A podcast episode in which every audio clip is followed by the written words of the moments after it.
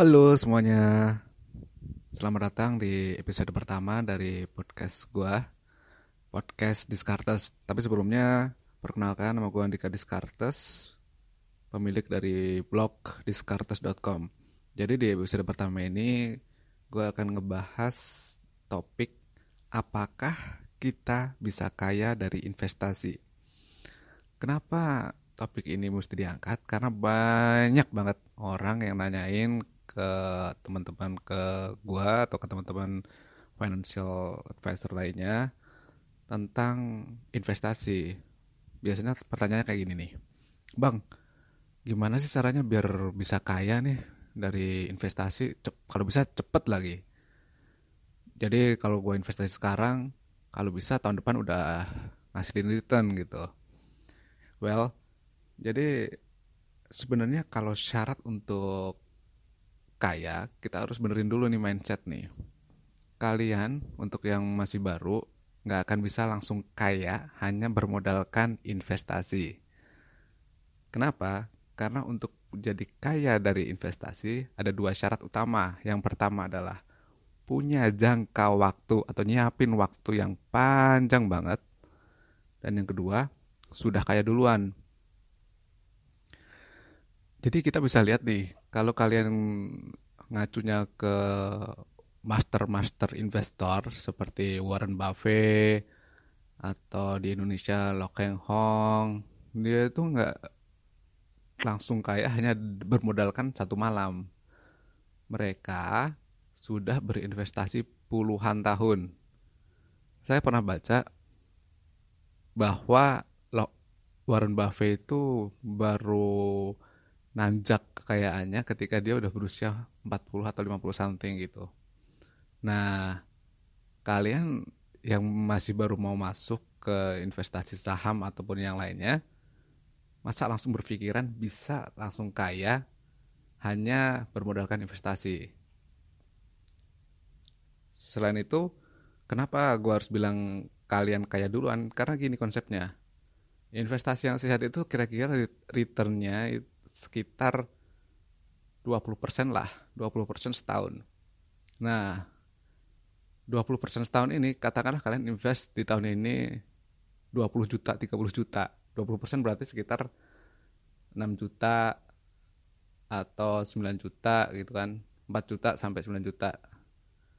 Nah, emang cukup nih duit segitu untuk hidup setahun? Kan mesti kita lihat dulu nih, nggak mungkin kan di Jakarta atau di Indonesia bagian lainnya.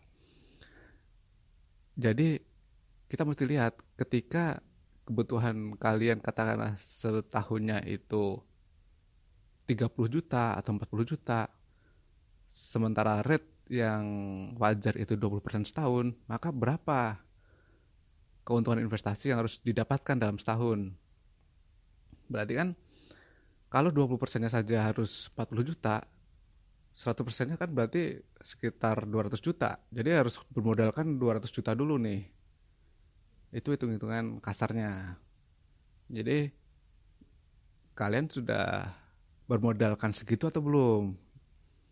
Nah itu hanya untuk memenuhi kebutuhan dasar. Kita belum ngomongin kaya nih. Kayak kalian ukurannya seberapa? Kalau ukurannya setahun harus ada 1 M, sementara 20% dari 20% itu adalah 1 M, maka kalian harus bermodalkan 5 M, kan gitu. Jadi konsep-konsep ini yang harus kalian tanamkan. Kalian tidak akan bisa kaya hanya bermodalkan investasi. Nah terus bang, terus gimana kalau misalnya nggak bisa kaya dari investasi gitu kan? Ya kalian kerja keras. Jadi kita harus kumpulin modal dulu. Apa pun yang orang-orang bilang modal itu tetap penting ya. Even ada orang yang bilang bahwa modal dengkul. Modal dengkul artinya kalian kerja keras dulu. Dengan dengkul kalian dapat duit. Duit tadi akan diinvestasikan. Jadi kalau kalian tidak concern ke urusan modal, kalian gak akan bisa mencapai financial freedom. Kalian gak bisa mencapai level kaya versi kalian sendiri. Jadi bullshit ketika orang bilang bahwa ayo kita investasi agar kita mencapai financial freedom, tetapi tidak mengajarkan bagaimana kita mengumpulkan modalnya terlebih dahulu. Salah satu teman saya bilang bahwa investasi itu adalah kendaraan untuk mencapai kehidupan keuangan yang lebih baik. Benar sekali. Karena memang investasi itu konsepnya adalah menjaga nilai uang kita dengan eh, ketika melawan apa inflasi dengan profit optimal. Saya nggak akan bilang bahwa ketika kalian bisnis saham kalian nggak akan dapat 100% keuntungan. Nggak, karena memang sangat dimungkinkan hal itu terjadi.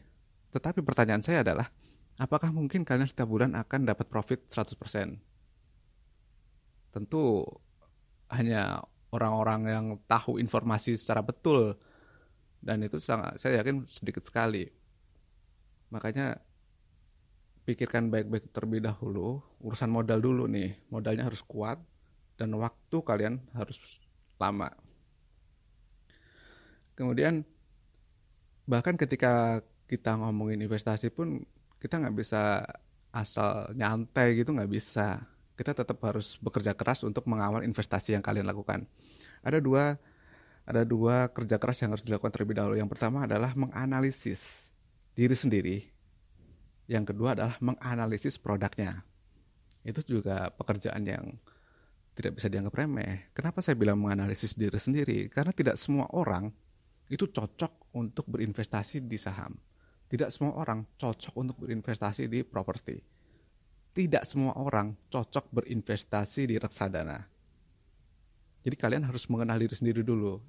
Kalian ini tipe investor yang seperti apa? Apakah gerusa-gerusu ingin high profit dan tidak masalah dengan risiko yang tinggi? Atau mau stay cool aja? Investor defensif, returnnya terbatas, tapi risikonya juga rendah. Nah, ini akan berhubungan dengan produk investasi yang kalian pilih. Misalnya saya, saya saat ini tidak terlalu menyukai produk investasi berisiko rendah. Saat ini saya lebih menyukai investasi dengan risiko menengah dan tinggi. Karena saya merasa bahwa saya termasuk golongan investor agresif jadi itu yang perlu uh, teman-teman pikirkan. Orang atau investor yang agresif tidak akan cocok ketika dia beli invest produk investasi yang defensif. Sebaliknya juga demikian. Investor defensif tidak akan cocok untuk beli produk investasi yang agresif. Kalau ketidakcocokan ini dipaksakan, hasilnya nggak akan optimal. Bisa jadi kalian bete sendiri gitu kan Nah, poin selanjutnya yang akan saya bahas adalah kerja keras ketika Anda sudah punya produk investasi, kalian juga harus punya tools atau alat untuk mengevaluasi hasil investasinya. Kan tujuan kalian investasi itu perkembangan uang. Bukan ya udah gua naruh duit terserah deh mau diapain gitu kan. Kan enggak mesti dilihat juga gimana uang kalian itu berkembang. Berapa persen dalam setahun? Kalau gue sih sederhana toolsnya. Jadi dari tahun awal dan tahun akhir kita lihat aja berapa modal di awal berapa modal di akhir. Dari situ kelihatan berapa persentasenya. Jangan lupa juga kita harus ada penggunaan pembanding karena gue fokus di saham dan kripto sekarang secara total akan gue lihat berapa persen portofolio gue dibandingkan berapa persen kenaikan atau penurunan IHSG indeks dan LQ45, LQ45. Dari situ kelihatan nih apakah kinerja portofolio gue itu lebih baik dibandingkan kinerja indeks atau kinerja pembandingnya lainnya. Terserah kalian menggunakan pembanding apa, monggo saja. kita tidak akan batasi. Nah, itu sebenarnya topik kita kali ini, tapi saya tekankan bahwa silakan kalian investasi untuk mengembangkan kekayaan. Tapi tolong deh, tolong hindari berpikir bahwa investasi adalah jalan cepat untuk jadi kaya raya. Oke? Sampai jumpa di episode kedua podcast Discartes. Bye.